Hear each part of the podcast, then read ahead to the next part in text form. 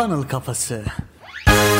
Merhabalar, Funnel Kafası podcast serisi 53. bölüme hoş geldiniz. Ben Emre. Ben Hasan. Bu bölümde sizlerle bir videonun pazarlama mesajının ya da markaların ya da içeriklerin diyelim viral olabilmesi için herhangi bir metot var mı? Bunu konuşacağız. Genelde bunun şans eseri olduğu düşünülür ama aslında bunun bilimsel ve işte belli bir sürece dayalı adımları var.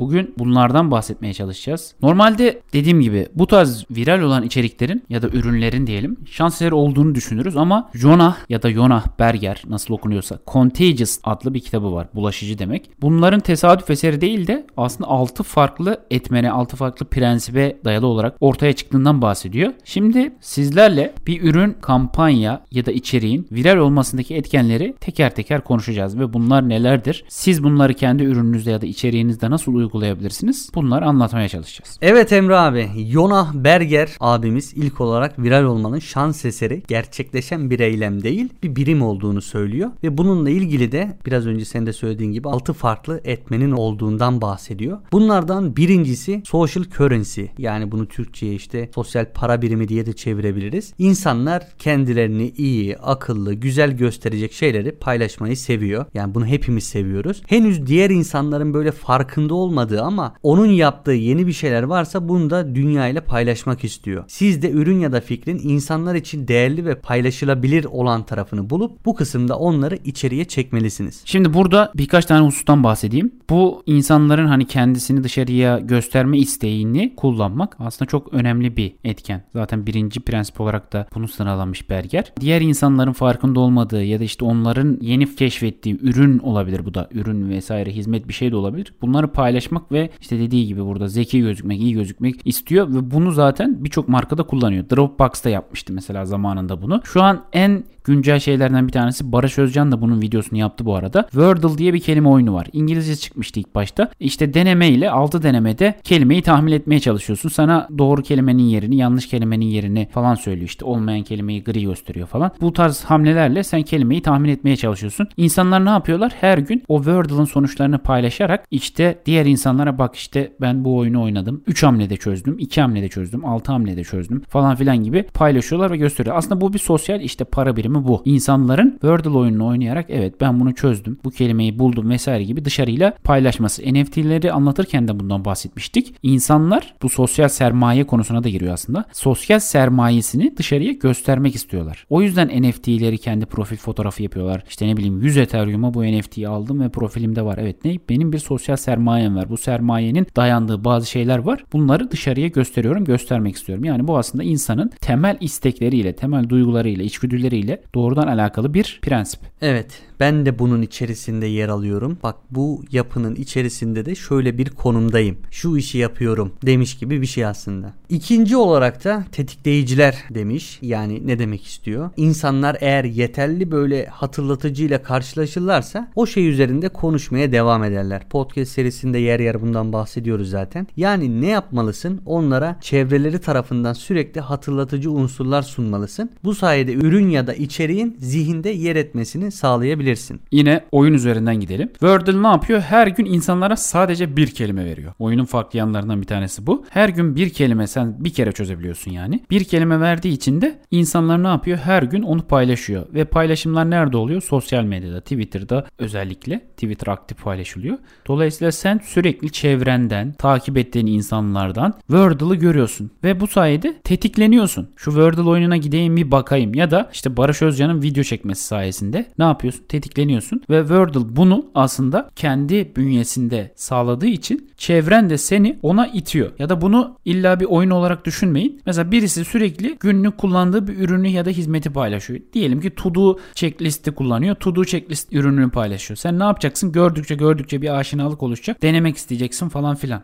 Bunun gibi düşünebilirsiniz. Yani tetikleyiciler pazarlamada da bahsetmiştik. Sosyal, çevresel, işte duygusal vesaire tetikleyiciler olabilir. Bunları kullanarak insanların sizin ürününüze ya da içeriğinize nasıl dikkat çekeceğini ya da nasıl hatırlayacağını planlayabilirsiniz aslında. Evet bu tetikleyicileri özellikle Squid Game 200 milyon dolarlık pazarlama stratejisi diye bir bölümümüz vardı orada paylaşmıştık. Hatta derinlemesine ele almıştık Emre abi. Tetikleyicileri insan üzerindeki nasıl bir etki yarattığını. Başka bir bölümde de bahsettik diye hatırlıyorum ben. Yani birkaç yerde geçti paylaştı bu. Aynen olabilir. Üçüncü olarak da ve benim bu en çok önemsediğim şey duygu. Duygudan bahsediyor. Duygudan neyi çıkarabiliriz? Biz bir şeyi önemsersek ne yapıyoruz? Onu paylaşıyoruz. İnsan olarak zaten doğamız bu şekilde çalışıyor. Ve her zaman söylediğimiz gibi bir şeyler hissetmek demek akılda kalmak demektir. İnsanların paylaşmasını sağlamak adına doğru duyguyu ürün ya da hizmetiniz için bulmalısınız ve ona göre bir hitap şekli belirlemelisiniz. Evet burada reklam kampanyalarının özellikle üstüne durması gereken şeyin ne olduğundan bahsetmiştik. Sattığı sonucun insanlara belli bir duygu hissettirmesinden bahsetmiştik. Yani bir akıllı saat bile satıyor olabilirsiniz ama onun da insana hissettirdiği bir duygu var. Ya da bir reklam filmi yapıyorsunuz. O reklam filminin insanlara hissettiği bir duygu var. Ya da işte TikTok'ta bir dans videosu çekiyorsunuz. Onun insanlara hissettirdiği bir duygu var ve insanlar o videoyu izlerken ya da o videoyu üretirken o duyguyu hisseder ve onu benimserse yani aslında önemserse ne yapar? Paylaşır. İşte sen kendi ürettiğin fikir, ürün ya da içerik her neyse onu hangi duygusuna insanın hitap edeceğini aslında şekillendirebilirsin, düşünebilir, planlayabilirsin. Evet, dördüncü olarak da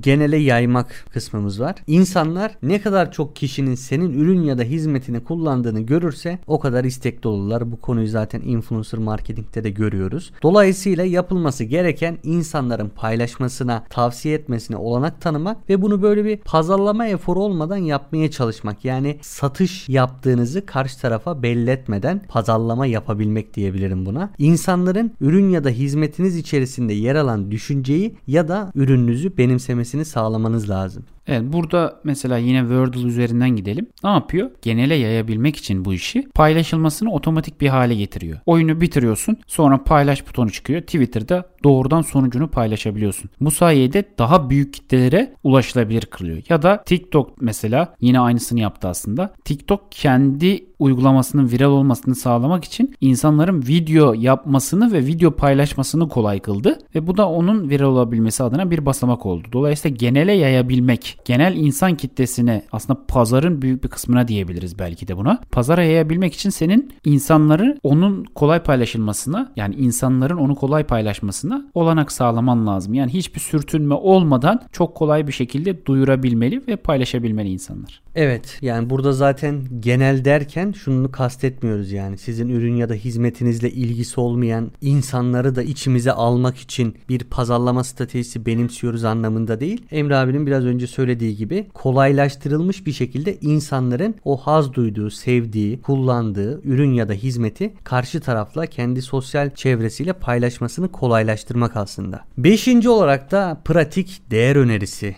diyor güzel abimiz. Yine çok doğru bir laf etmiş. İnsanlar böyle başkalarına yardım etmeyi severler. Eğer insanlara faydası olan bir fikrin varsa kesinlikle bu paylaşılacaktır. Hani bunun en somut örneği nedir? Sosyal medyada bir mağdur olmuş kişinin mağduriyetini duyurması. Değil mi? Özellikle Twitter'da Emre abi. Bir sürü insan retweetler, like atar, yorum atar, paylaşır. Yani insanlar aslında paylaşmayı özellikle sosyal mecrada birilerine yardım etmeyi severler. Burada pratik bir değer önerisi sunabilmek yine insanların aslında sosyal davranış paternlerini keşfedebilmekle ortaya çıkar. Bunun için ne yapmanız lazım? İnsanları sürekli gözlemlemeniz lazım. Yani onların söylemlerinden çok eylemlerine ve aktivitelerine bakmak lazım ve bu sayede onların davranışlarından yani insanlar neyi paylaşıyor, ne hoşuna gidiyor, neyi retweetliyor, neyi daha çok başkalarına söyleme eğilimindeler. Bunları öğrenirsen sen gerçek değeri ortaya çıkarabilmesi için insanlara fırsat verirsin. Ve bu sayede paylaşılarak da senin o pratik değer önerin yayılabilir. Yani evet paylaşılan şey bir değer önerisi olması lazım. Ben bunu öğrendim, verim aldım. Arkadaşım sen de bak buna. Sen de bundan faydalan. Mesela atıyorum Wordle'ın değer önerisine kardeşim günde bir kere çöz hem eğlen hem öğren mesela tamam mı? Pratik değer önerisini paylaşılabilir kılarak insanlara gösteriyor işte. Günde bir tane kelimeyi bulmak için efor sarf et hem öğren hem de işte bulursan eğlen. Günün güzel geçsin falan filan gibi. Yani insanlar hatta sabah bu sebeple Wordle'ı rutin haline getirmişler. Tüm dünyada paylaşılıyor. Benim de takip ettiğim bir sürü insan paylaşıyor yani. Evet. Altıncı ve son maddemiz. Sana soru sorarak başlayayım Emre abi.